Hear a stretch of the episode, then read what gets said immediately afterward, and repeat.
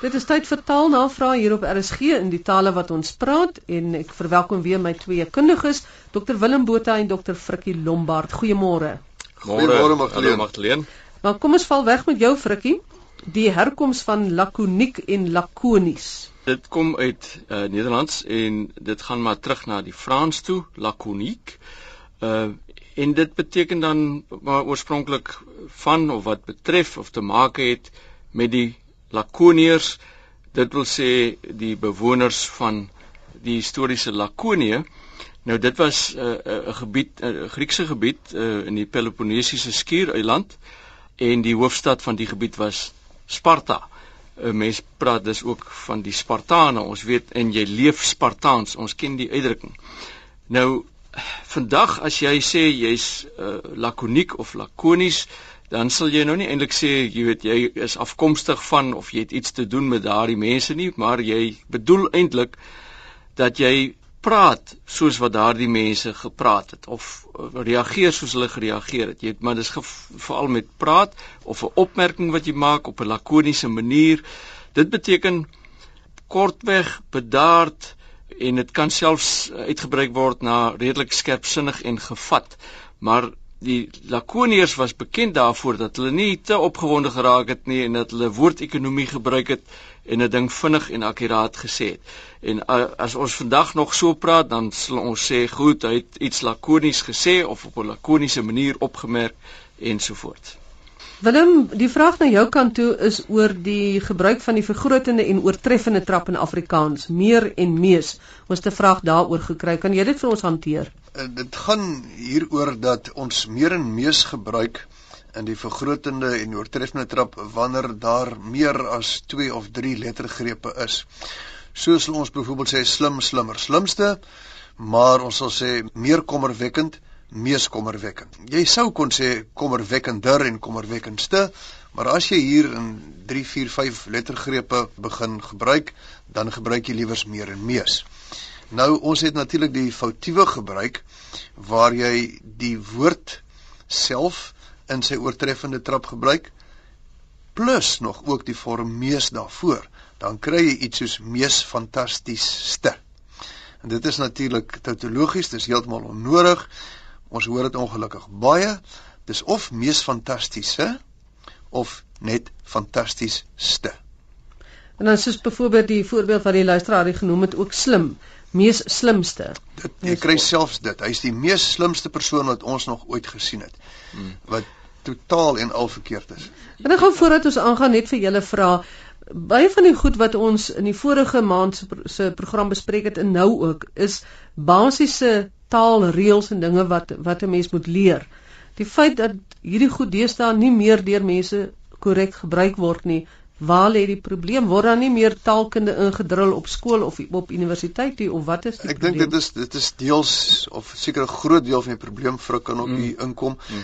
Ek dink daar word nie meer so sulke duidelike riglyne neergelê nie. Uh dis asof daar 'n houding is van ag alles is deesdae gangbaar in Afrikaans, die reëls is verslap. Ek dink daar daar's so uh sentiment onder mense.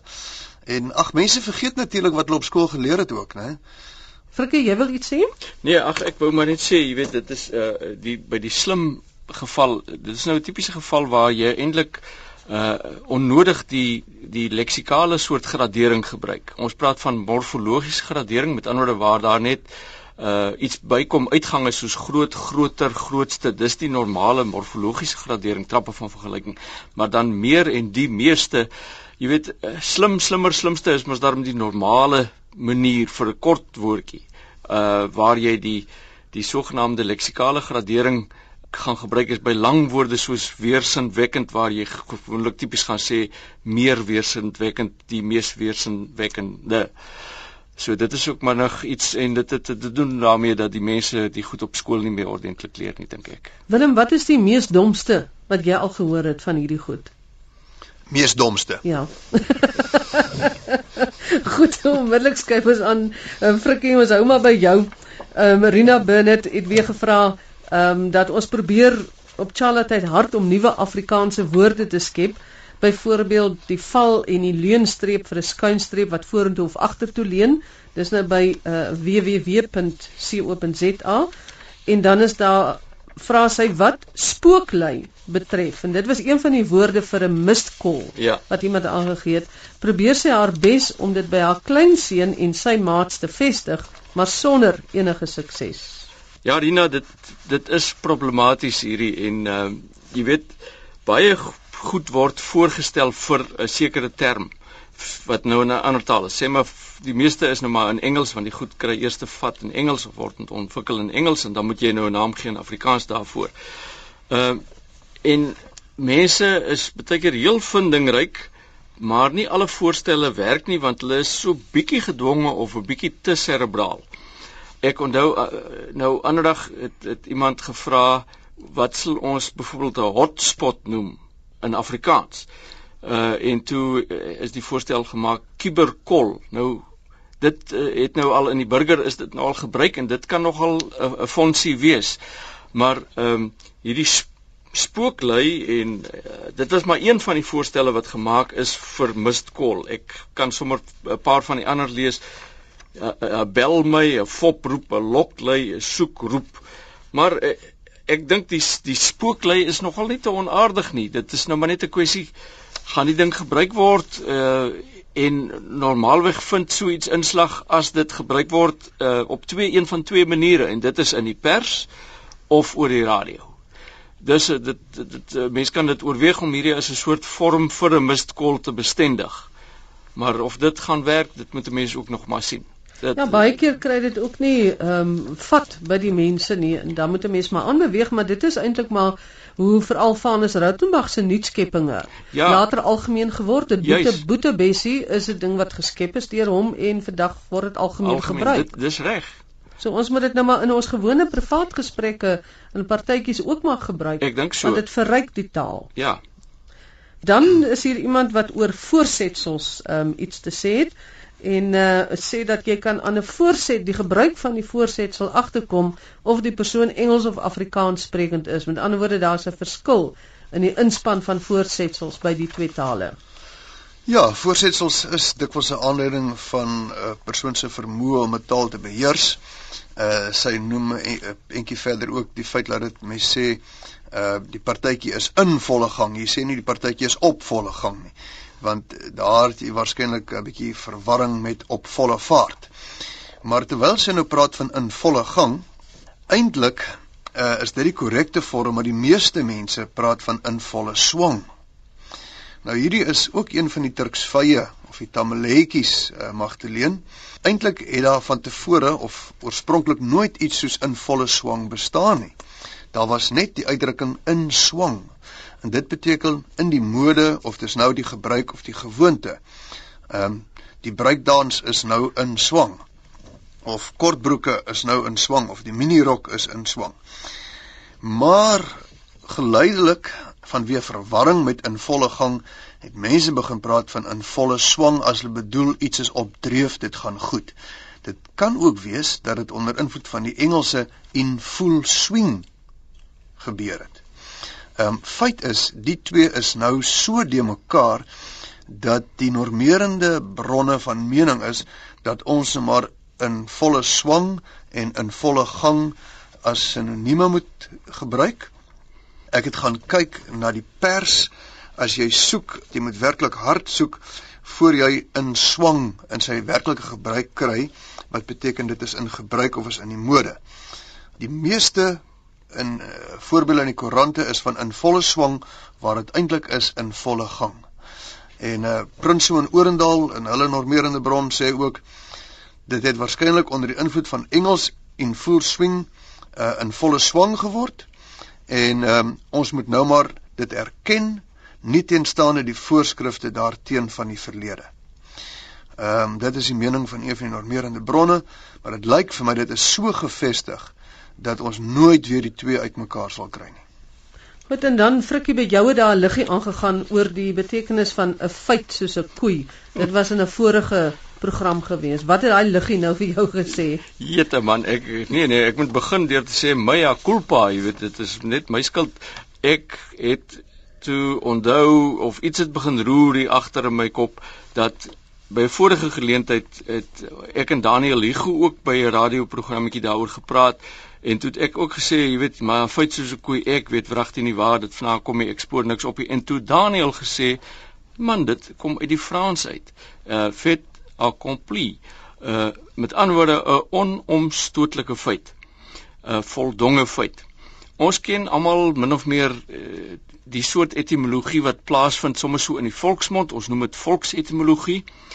Jy weet die ou mense wat toe daar hierdie nuwe ding op die mark gekom het wat die Engelse bicycle genoem het, toe het hulle gesê ja baie sukkel.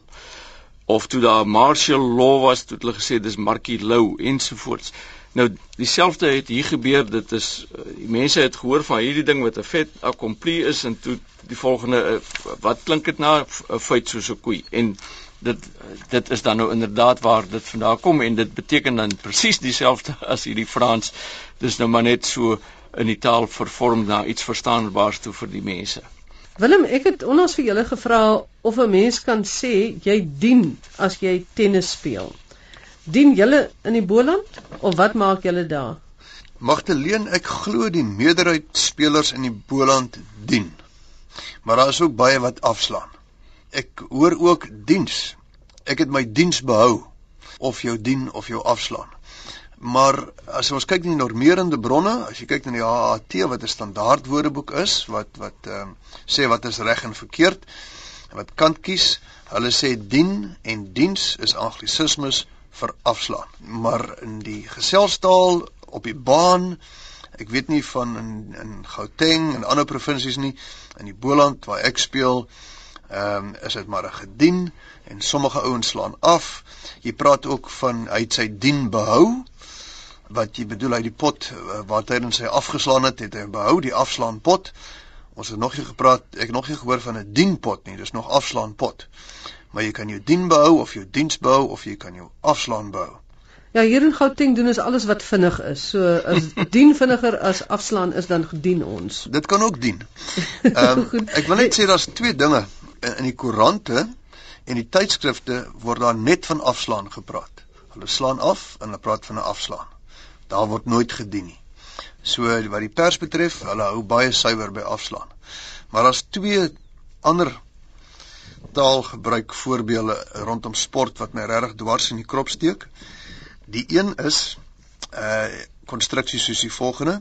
Hy is die eerste speler om 3 toernooie na mekaar te wen om 3 toernooie na mekaar te wen. To win 3 tournaments. Hmm. Ehm um, dit moet wees hy is die eerste speler wat 3 toernooie wen.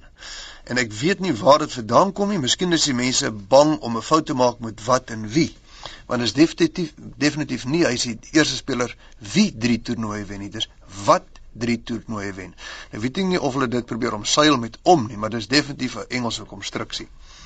En dan is ook 'n ander verskynsel wat sy kop uitsteek uh soos in die volgende uitdrukking die toernooi in Augusta is die rykste in die reeks. Met ander woorde, die toernooi met die grootste prysgeld. 'n Toernooi kan nie ryk wees nie. Dit is net eenvoudig nie Afrikaans nie, dit is Engels, the richest tournament. Dit dit kan nie in Afrikaans nie. Dit is eintlik meer 'n 'n 'n lewende ding. 'n Persoon kan ryk wees, maar nie 'n dooie ding nie. Ja. Wat kos kan ryk wees, maar dit het niks met geld te doen nie. Mm. Dis 'n ander 'n ander betekenis ja. in konteks. Frikkie Rina binne het dit weer gevra. Dis nou deel van haar groepie vrae wat sy so met een e-pos gestuur het.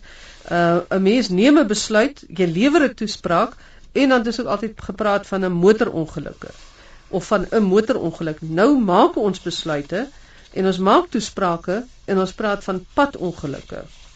Wat is jou kommentaar daarop, Frikkie? Ja, jy weet sy sy Rina sê tereg al al hierdie gevalle wys ook op die invloed van Engels op uh, Afrikaans. Ehm um, kom ons begin maar by padongeluk.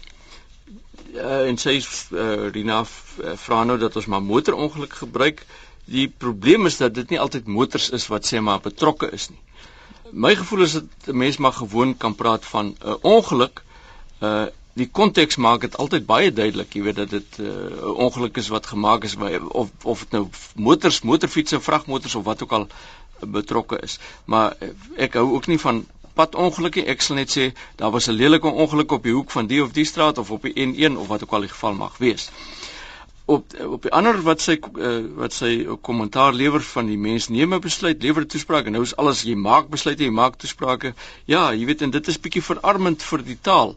En baie van wat ek en Willem vandag al hier gesê het, het te doen juis met Engelse konstruksies wat as dit vertaal word in Afrikaans dan lyk dit inderdaad so effens soos Afrikaans. Dit lyk so half inheems vir ons, net dit lyk soos dit Afrikaans, maar dis eintlik 'n Engelse model wat in stryd is met die aard en idioom van die taal en wat dan dit die aard en idioom van die taal begin bedreig en inderdaad heeltemal verdring later.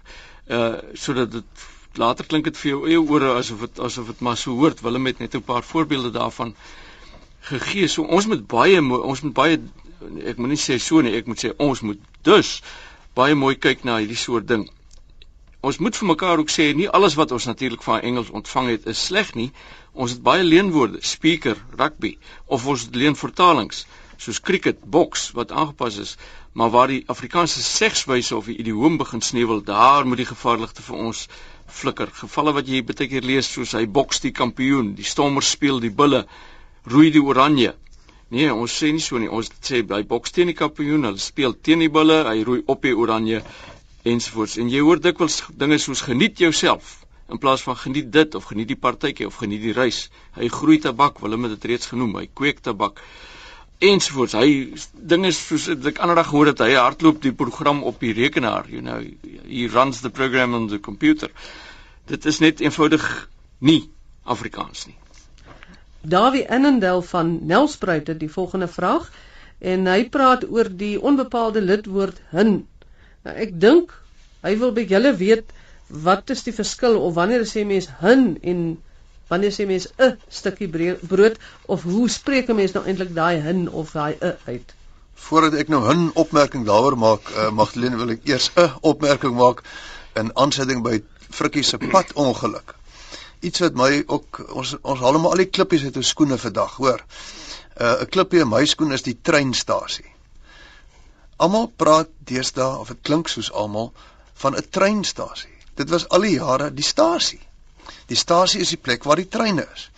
Ek jy gaan nie die plek waar die minibus taksies stop net 'n stasie noem nie. So so wat is die probleem? Hoekom moet dan onderskei word en sê die treinstasie? Dis my werklik irriterend. Ek weet in Engels word soms gepraat van 'n train station. En is vir my totaal onnodig. So daai klippie is nou uit. Kyk, jy kry ook die radiostasie want ek is byvoorbeeld 'n stasiemeester. maar ek is nie by 'n treinstasie nie.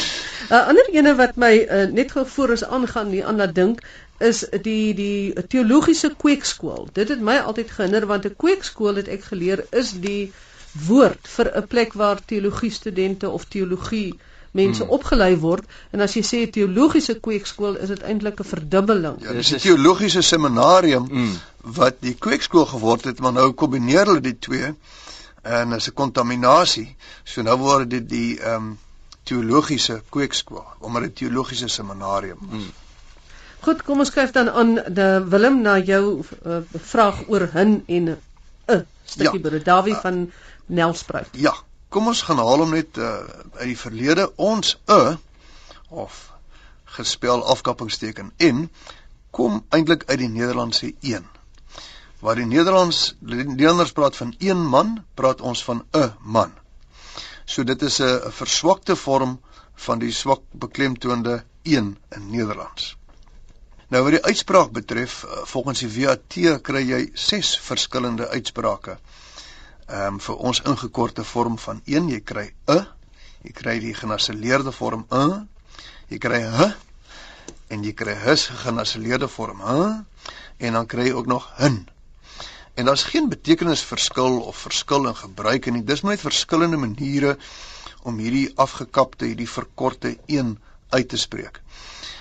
Dit gaan nog verder. Ek onthou op skool was daar in in graad Dirk Lukas saam met my in die klas en Dirk het altyd hy was 'n goeie leser, 'n baie geesdriftige leser en hy het dikwels gevra om voor te lees, maar hy het een hebbelikheid gehad. Hy het gelees daar staan 'n man op die gras. En maak nie saak wat die onderwyseres gesê het nie, hy het gesê juffrou hier staan 'n. So ek lees 'n man. Nou ek dink dit is uh waar hin vandaan kom. Dit is uh, wat Ernst Kotse genoem het 'n benaderde vorm van letteruitspraak. As jy sê daar staan n man, is dit letteruitspraak. Jy spreek letterlik die letter uit. Maar benaderde letterspraak is wanneer 'n ou tog wil iets laat blyk van 'n n, maar jy weet jy kan nie n sê nie, dan maak jy daarvan 'n woord hin. En uh so dit dit neig na letter letteruitspraak, maar jy het 'n wye keuse. Daar is ses aanvaarbare uh uitsprake van 'n of 'n.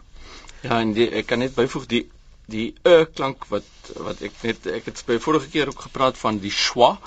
Uh dit is presies dieselfde as ons sê 'n matroos of 'n man, dan is dit dieselfde e wat ons hoor in dikwels en in kinders, die die e klank daar wat deur die e weer gegee word.